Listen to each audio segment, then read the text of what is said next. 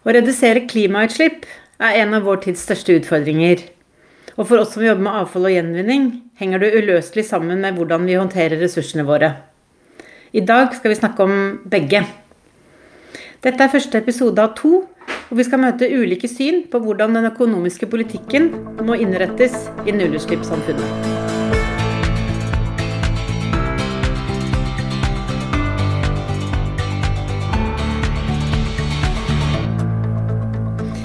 Velkommen til Avfall Norges podkast Sirkuler. Mitt navn er Nancy Strand. Og først ut er Gard Løken Frøvold fra tankesmien Civita. Han er utdannet samfunnsøkonom og jobber i Civita med et bredt spekter innenfor økonomi og politikk, særlig klimapolitikk. Velkommen til deg, Gard. Tusen takk. Du, um vi må bare begynne med å, å, snakke litt om deg, og så skal vi komme innom eh, en rekke problemstillinger knytta til samfunnsøkonomiske modeller og klimaomstillingsutvalget som Civita har jobbet med, og andre ting i denne forbindelse. Men først litt om deg. Du er bl.a. Eh, du utdannet samfunnsøkonom, og det er ganske nylig du var helt ferdig? Stemmer det? Ja, det stemmer. Leverte oppgaven for et par dager siden. Ja. Så, det, det, så, du har jobbet i Civita ved siden av, av masterstudiet ditt? Ja, jobbet der siden august, så det har vært veldig fint, det. altså. Godt faglig miljø her. Ja. Mm. Så hva, hva, var det, hva er det du har skrevet masteroppgave om?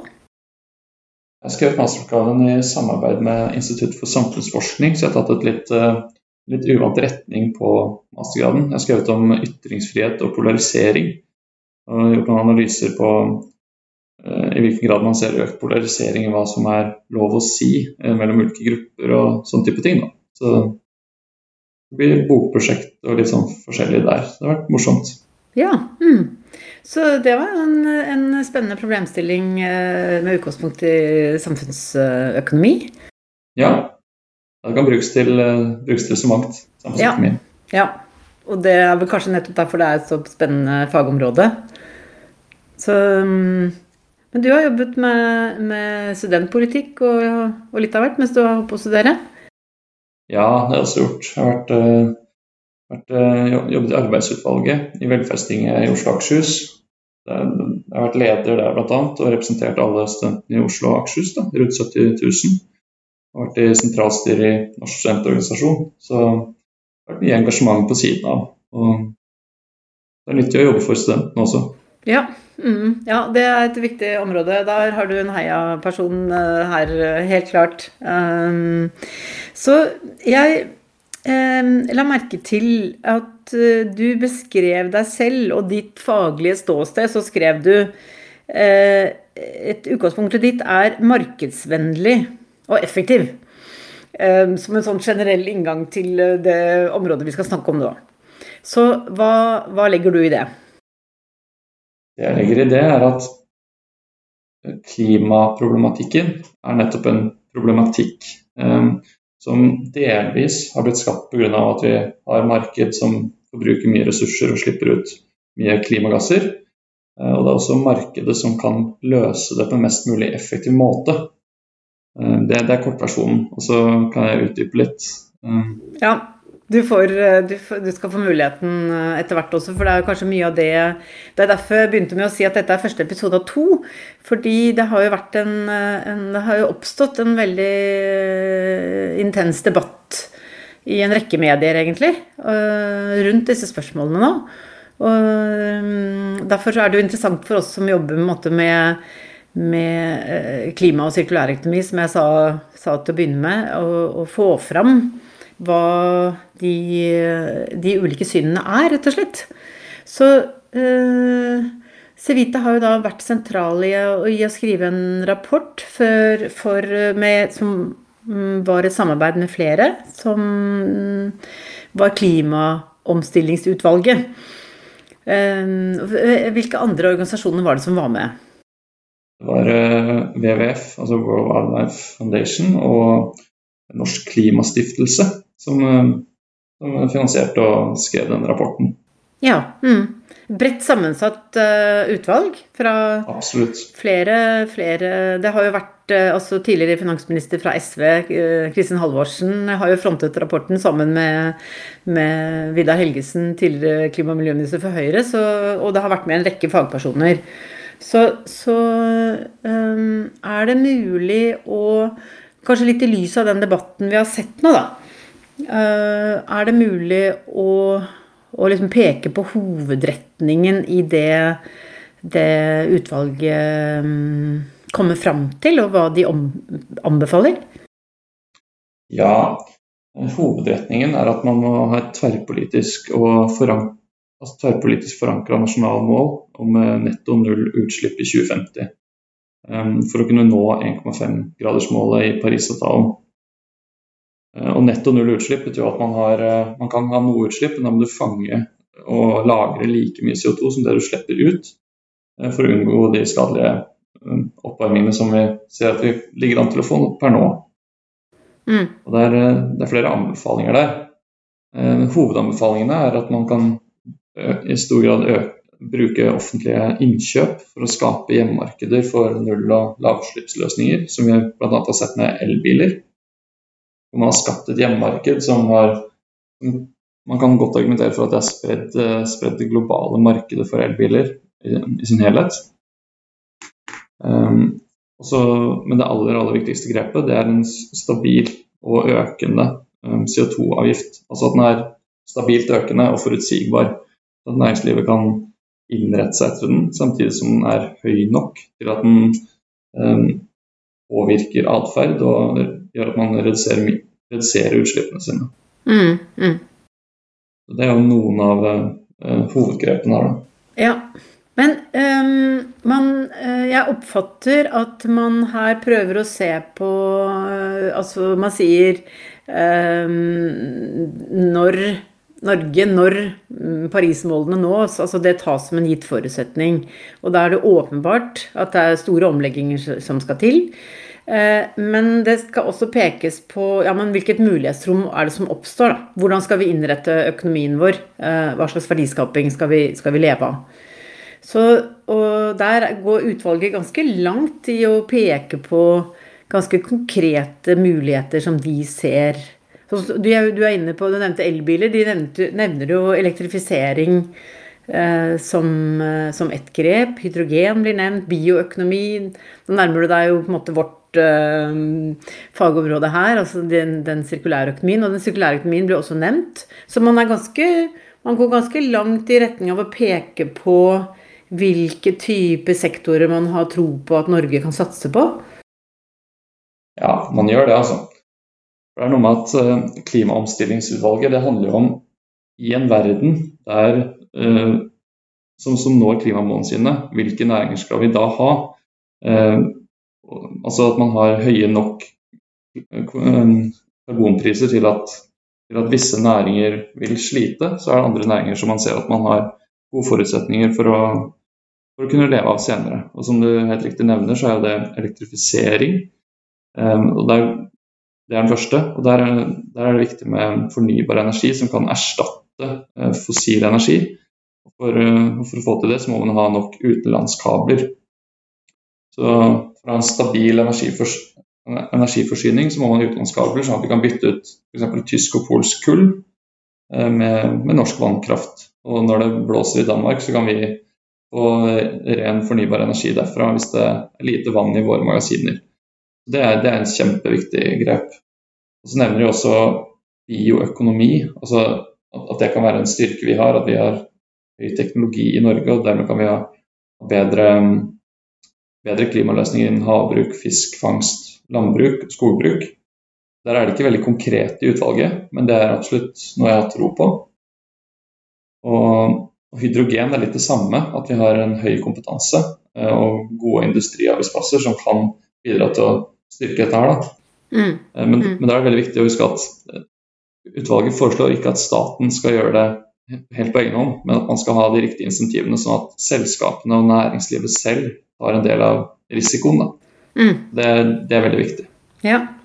Ja, apropos ordet risiko, for det oppfatter jeg også kanskje er et, et sånt nøkkelord her. Altså hvor stor risiko tar staten, eller samfunnet, da, på en måte i forhold til eh, Kall det privatkapital eller privatsektor. Um, men kan ikke du um, Klimarisiko er jo et begrep som brukes mye nå. Um, kan ikke du kort forklare hva, hva som ligger i det begrepet klimarisiko?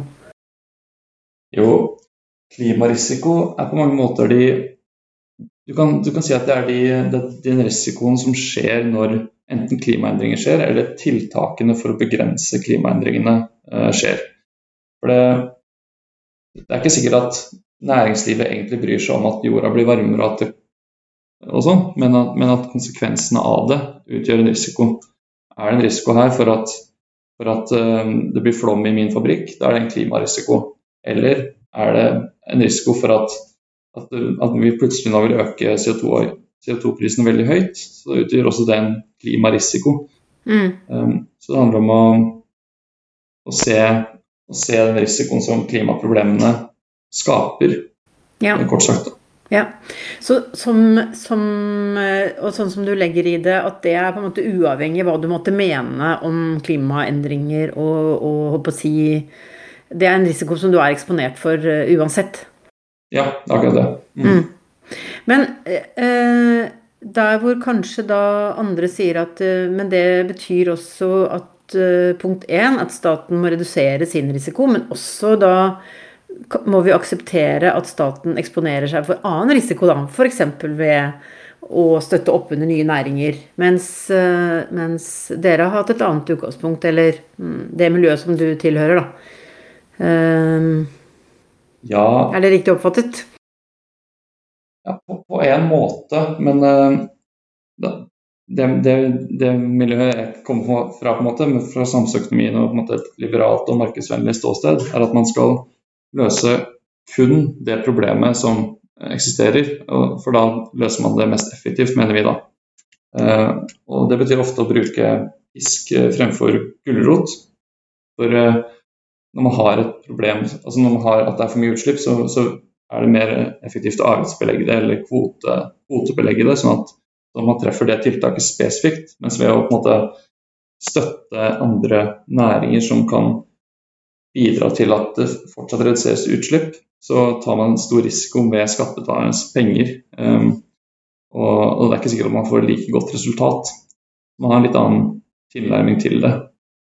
Mm. Men betyr det at, eh, at uh, altså um, Er forskjellen på For jeg opplever at uh, nest, nesten uansett måte, hvem du lytter til, og, og hvilken side av debatten, da, eller hva jeg skal kalle det, som uttaler seg, så er man ganske enige om at det offentlige eller myndighetene må, stille, må spille en viktig og, og inngripende, hvis man kan kalle det, rolle men, bare, men, på ulike måter, er det sånn? Ja, det er på litt ulike måter, og også, det er også en gradsforskjell. Um, for, altså, nå kommer jo jeg fra et liberalt ståsted, og ikke nødvendigvis uh, partipolitisk høyresiden. For både høyre, høyre og venstresiden driver med eh, ja, det, det, vi kaller aktiv næringspolitikk og støtter næringer og sånt, men det er en stor grads forskjell mellom de.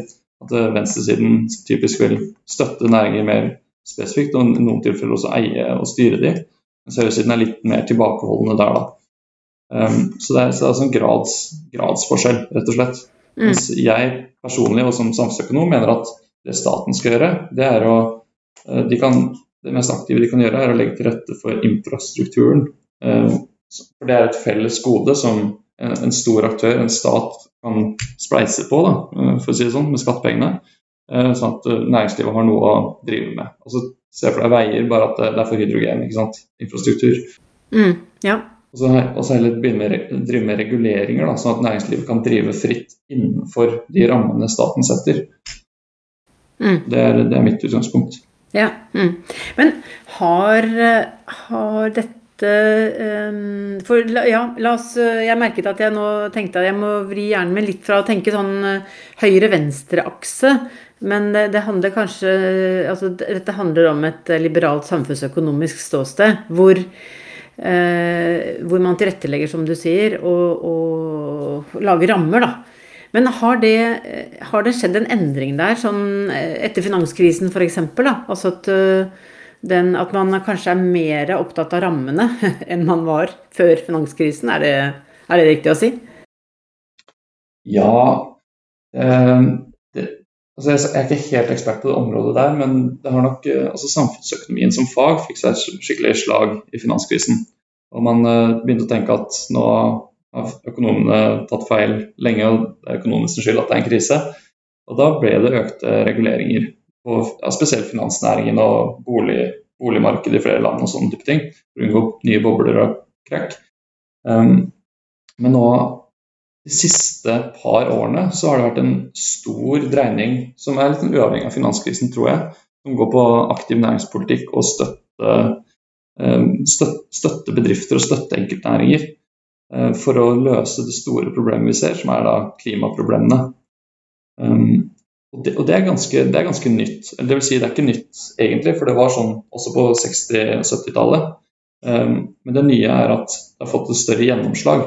F.eks. Arbeiderpartiet uh, var jo De, de støtta jo statseide bedrifter osv. på tidlig ja, 60-70-tallet. Så gikk de bort fra det med Gro Harlem Brundtland og Jens Stoltenberg. Mens nå ser det ut til å snu litt, da. Mm. Rett og slett. Og, mm. Så, så det, er, det, er, en slags høyre-venstre perspektiv, eh, her, hvor venstresiden er drøyere på det. Men uh, jeg vil ikke frikjenne noen politiske partier fra dette her, faktisk. Nei, og det er, det er jo det, Altså, siden Altså, AFO Norge vi representerer jo en eh, Vi er en bransjeforening. Vi representerer en, en, en, bransje og en næring.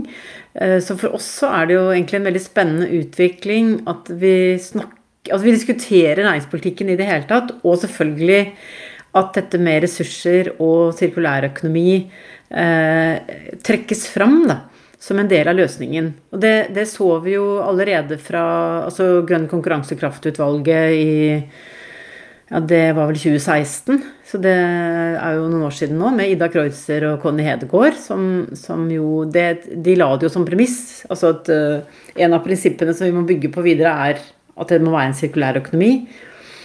Men, men Klimaomstillingsutvalget trekker også fram og nevner også flere eksempler på det. liksom Alt fra det mer sånn forbrukerrettede gjenbruk, og vi må ta vare på ressursene og gjenvinne mer osv. Men også en sånn type Hvis de snakker om bioøkonomien, så snakker de bedre utnyttelse av reststrømmer. Altså en mer sånn total ressursforståelse, da. Som da tror jeg vi nærmer oss mye mer bransjens egen forståelse av hva, hva sirkulærøkonomi er. Um, men du har også vært du har jo eh, også vært litt frimodig i dine ytringer eh, rundt nettopp sirkulærøkonomi og hvordan det skal forstås, da. Ja, det stemmer. det er veldig interessant å høre hva, hvordan dere i bransjen tenker på det også. For det er, jeg føler det er litt sånn jeg tenker på det også. At det handler om de tiltakene og det handler om å utnytte de ressursene og sånn. Men jeg sliter når man setter sammen begrepene sirkulær økonomi og til sirkulær økonomi og ser på det som et slags eget system eller en totalt annen tankemåte.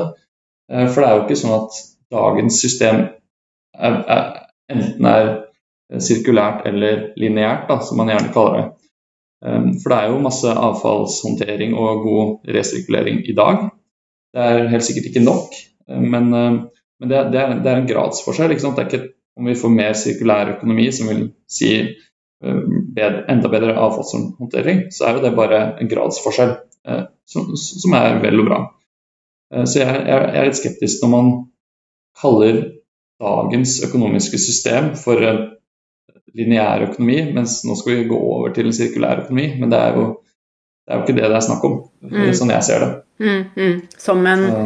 Altså, eh, jeg leste en artikkel som du hadde skrevet om dette, og, og det, det syns jeg er veldig interessant å høre, fordi som, når du som økonom, da eh, Er dette ment å være en egen økonomisk teori, eller Uh, og det er jo egentlig ikke det. Um, men vi har jo rapporter som sier at ja, men vi er bare 2,8% sirkulære i betydningen hvor stor del av ressursene som faktisk går i omløp.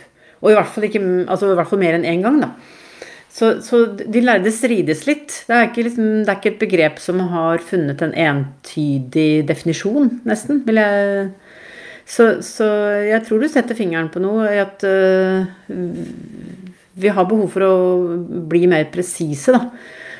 Men en ting som eh, Jeg har jo vært med i dette gamet en stund, og en, den, denne liksom diskusjonen om er vekst mulig, ikke sant, og er eh, Nei, det er ikke mulig med Vi kan ikke fortsette å vokse, vi kan ikke fortsette å ha vekst så lenge kloden er endelig. Um, så, og der kommer det jo litt flere stemmer etter hvert, ikke sant. Um, og, og, du har uh, grønn vekst-begrepet uh, som noen har lansert. og Eh, så jeg er veldig nysgjerrig fra et sånn samfunnsøkonomisk ståsted. Jeg har liksom oppfattet at eh, den At man har hatt Dette med ressurstilgang har ikke vært en begrensende faktor i de samfunnsøkonomiske modellene. Er det riktig å si, eller er det en, en forenkling? Det det er nok uh, til en viss Eller det, det medfører noe riktighet, men ikke fullstendig. fordi i de aller enkleste modellene så er ikke ressurstilgang på en måte eh, så sentralt. Men så har du fått et større og større miljø, um, bl.a. på Universitetet i Oslo, innenfor ressursøkonomi, som nettopp handler om dette med både knappe, men også helt endelige ressurser. For det, det ser man jo Det finnes Altså det er gitt antall gram gull i verden, ikke sant? Eller tonn med gull. Så, så, så det, forskes det, det, forskes mye på det. Og så er det noe med Man kan se litt enkelt på det også, uh, nemlig at knapphet i økonomien fører til at det blir dyrere eh, pga. tilbud og etterspørsel. Det blir et, det blir et uh, lavere tilbud, og da øker, øker prisen. Og for Hvis ett metall blir veldig knapt, at det blir lite av det i verden som er tilgjengelig for produksjon, så vil prisen være så skyhøy på de siste grammene, tonnene, kiloene, at, man, at næringslivet får sterke insentiver til å, til å, finne andre måter å produsere på som, hvor man ikke bruker det metallet. Eh, og så jo så går det an å tilbakeføre verdier og sånn, men, men, når du sier at det er rundt 2,8 eh, sirkulært, så kan det godt stemme. Det kjenner jeg ikke helt til, men, eh, men det, det, vil jo være mulig eller det, det, håper jeg at det er mulig å øke. da uten at det er et nytt system i seg selv. Ja. Det kan være et nytt resirkuleringssystem, men ikke et nytt økonomisk system. Nei, nettopp. Eh, men eh, altså, du nevnte jo dette med, med, med prising, da. Eh, fordi jeg oppfatter vel at noe av utfordringen er at man ikke klarer Altså, prisene gjenspeiler seg ikke raskt nok i et marked. Sånn at enten det er knappe ressurser, eller ressurser som har en, en, konsekvens. Altså det er nok å nevne olje og plast. ikke sant? Altså plast ny, Nyprodusert plast direkte fra olje er jo ekstremt billig. Og det å gjenvinne det er, det er ekstremt vanskelig å konkurrere med å produsere resirkulert plast som skal konkurrere med eh, ny plast fra, direkte fra olje. Um, så, så da vil ikke markedet klarer å prise det på en måte som, eh, som gjør at man speiler de miljøproblemene som den eh, oljeproduksjonen og plastproduksjonen medfører. Da. Ja, men det, det er interessant. Ja, for man kan tenke seg at, eh, at, at, man, at, man, har en litt høyere pris på olje, men at på tross av det så vil den plasten være mye billigere å produsere rett fra oljen enn å resirkulere den. Det, det, det kan man godt se for seg. og det det kan gjerne være tilfellet, for det er ikke sikkert resirkulering er så lett på alle produkter. ikke sant? Det vet jo dere mye om. Um, men da vil jo jeg hevde at da trenger det ikke nødvendigvis resirkuleres. Um, for da er det da er CO2 Eller da må man bruke andre tiltak, fordi da har du en, en riktig CO2-pris på oljen, så da er klimautslippene tatt hånd om. Men så har du selve produktet plast som havner i havet og blir mikroplast eh, ja, til og med i maten vår og inni oss selv etter hvert. Eh, og da må man heller eh, Da kan myndighetene sette ned påbud og forbud, som ikke er et økonomisk tiltak egentlig, men et, et et helt legitimt tiltak i en liberal stat. Da. så man kan jo da si at disse tingene er ikke lov. Så, så, det syns jeg kan være en god, god løsning. Men, men, det, men, det, er komplisert, dette her. Uh, det er veldig komplisert. Det kan ja. Mm, mm. Men det er jo som det som kanskje Det som jeg har registrert, er jo at, at det har oppstått en, en fagdiskusjon Uh, og hvor da kanskje de som nettopp tilhører uh, altså fagmiljøet uh, innenfor samfunnsøkonomi, har jo gått ut og på en måte sagt at ja, men er jo, du er inne på det, dette forskes jo på. Vi, vi, vi, jobber med denne type mekanismer. og så blir det litt sånn pingpong rundt um, selve den faglige kvaliteten, eller Mens jeg, jeg, oppfatter vel egentlig, sånn sett fra et sånt bransjeståsted som vi representerer, så oppfatter ikke jeg at uenigheten egentlig er så veldig stor. Uh, men det er, at det er en grad av hvor aktiv man vil at myndighetene hvilken, Hvor aktiv rolle skal myndighetene ha? Ja, ja det, er, det er grad av aktivitet, og også hvilke tiltak man gjør. Um, ja, det er, vel, det er, vel, det som er forskjellen. At uh, forbud og reguleringer, avgifter, er ofte treffende og, og godt. Mens uh, å starte opp en statlig mm, plastproduksjon um, kanskje ikke like smart. mm, mm. Nei, men, men, kunne man Altså Det er jo dette Vi går veldig sånn i retning av en, av en sånn mission eh, economy, gjør vi ikke det? Eller altså at eh, det kanskje i mye større grad eh, sies at her har vi noen mål vi må nå. Og, mm, og så Altså det blir noen prioriterte områder som man, man jobber etter? Jo, det er, det er, fare for det, for å si det sånn. Det er jo det er en veldig profilert økonom som heter Mariana Mazzucato, som hun jobber i England, i London, og hun eh, gir bl.a. råd i EU og har, har, vel skrevet en rapport sammen med Tankesmien eh, Manifest, var det vel. Og ja. mange i mm. Tankesmien Agenda også er ganske opptatt av henne. Um, med Mission Economia, hvor, hvor staten skal nærmest lyse ut anbud på uh, ulike missions eller oppdrag som man skal løse, samfunnsutfordringer, så skal bedrifter konkurrere så er hun litt uklar på hvor mye som skal uh, altså Hun er litt uklar på det, det konkrete iblant, men poenget er at man skal utlyse anbud og staten skal støtte på en eller annen måte.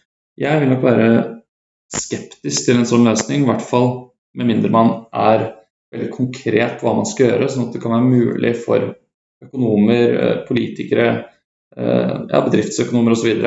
å kunne argumentere imot på et helt konkret grunnlag. Da. Fordi hun avfeier økonomifaget ganske lettvint. Og det Ja. Nå skal jeg ikke Jeg skal ikke verken på si være, Akkurat her skal jeg ikke verken være enig med deg, for jeg er heller ingen ekspert på, på verken henne eller, eller økonomi som, som sådan. Men jeg oppfatter vel også at uh, dette også handler om kanskje mer sånn klassisk samfunnsøkonomisk tilnærming kontra en mer innovasjonstilnærming. Da. Altså hva er det som skaper innovasjon i samfunnet? Men er det sånn at, eh, at i forhold til det arbeidet som du har jobbet med, og som er utgangspunktet med klimaomstillingsutvalget, at man det, er, det, er, litt sånn uh, høna og egget på en måte. Altså hva, hva, hva, er på en måte det viktigste grepet for å, for å uh, Hva skal jeg si for noe? Det er et sånt for å få det taktskiftet, da. Jeg opplever at, eh, at, eh, noe av det som kanskje i hvert fall Klimaomstillingsutvalget skriver liksom i, i innledningen til rapporten sin, at vi snakker om et taktskifte her. Er det mulig å liksom peke på en sånn slags um, um, trinn 1, 2, 3 her, i forhold til å mm, få det knekkpunktet? Jeg er litt usikker på om, vi kan få et taktskifte fordi alle, alle virkemidlene som behøves, eh, ligger tilgjengelig, eh, egentlig. Altså det er veldig enkelt. Så altså man hadde løst klimaproblemene veldig kjapt ved at hele verden innførte en CO2-avgift um, som var høy nok, og da ville utslippene vært på et lavt nivå. Altså, så, så, løsningen er ganske åpenbar, men hvordan man skal gjøre det i praksis, er litt verre. Men da har jo store altså Det må skje, det må skje internasjonalt, eh, altså regionalt og internasjonalt. For at man skal ha eh, altså man skal unngå såkalt karbonlekkasje. At hvis man stenger ned en bilfabrikk i Tyskland, så popper den opp i Sveits, på en måte. Mm. Det, det, nytter ikke. Så, men, men, virkemidlene ligger der egentlig, og det, det handler om internasjonale løsninger og avgifter.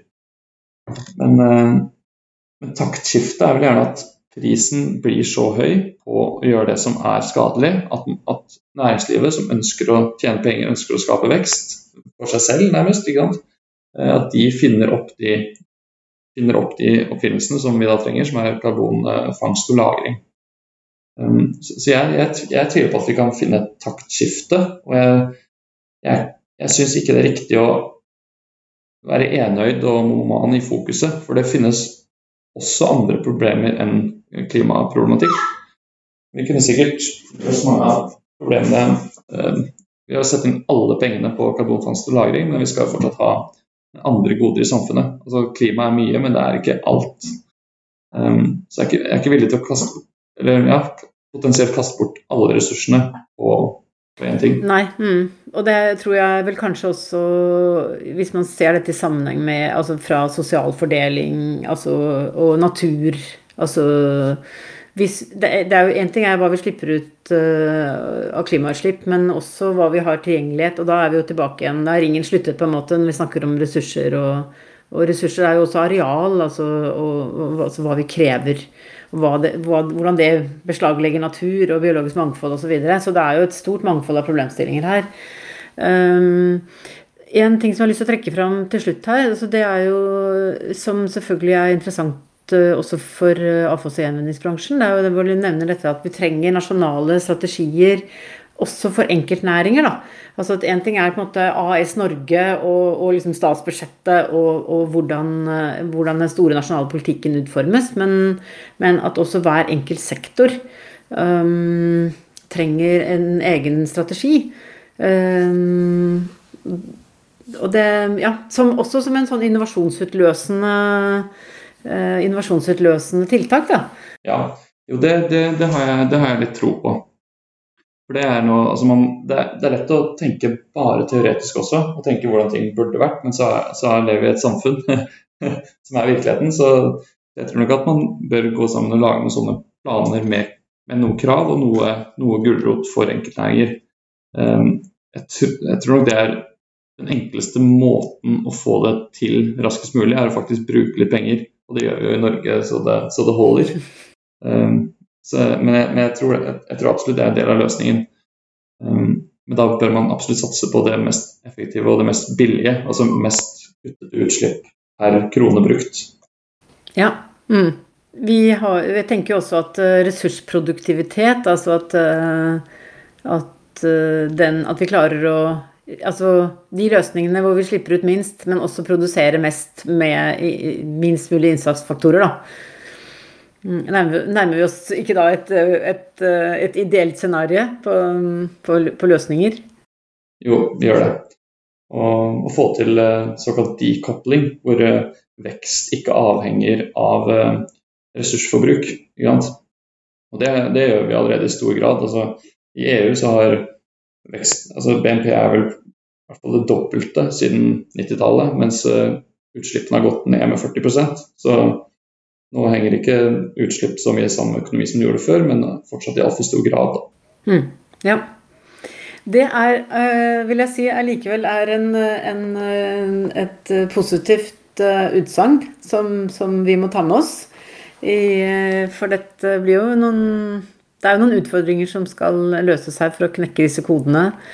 Um, hvis jeg oppfatter deg rett, så er det kanskje um, Altså å klare å kombinere det som fra ditt ståsted er en, den beste måte, samfunnsøkonomiske tilnærmingen, og den praktiske realiteten som, som vi også må ta, ta, hensyn til og høyde for. Da. Mm. Og, det, og, det, politiske, ikke, minst. Altså, det er hovedsakelig et politisk problem. Ja. Mm. Du, med det så må jeg bare si eh, tusen takk for en veldig interessant samtale, og veldig lærerik for meg. Så, og til lytterne så kan jeg opplyse at vi også har fått hilse på hunden til Gard, som meldte seg på i samtalen på slutten her. Så det syns jeg bare var veldig hyggelig. Så eh, tusen takk til deg for at du kom til AFO Norges podkast. Det var veldig hyggelig å være med. Tusen takk. Da sier jeg også takk til Håkon Bratland, som har vært produsent i dag. Og takk til alle som har hørt på. Vi høres igjen. Ha det bra.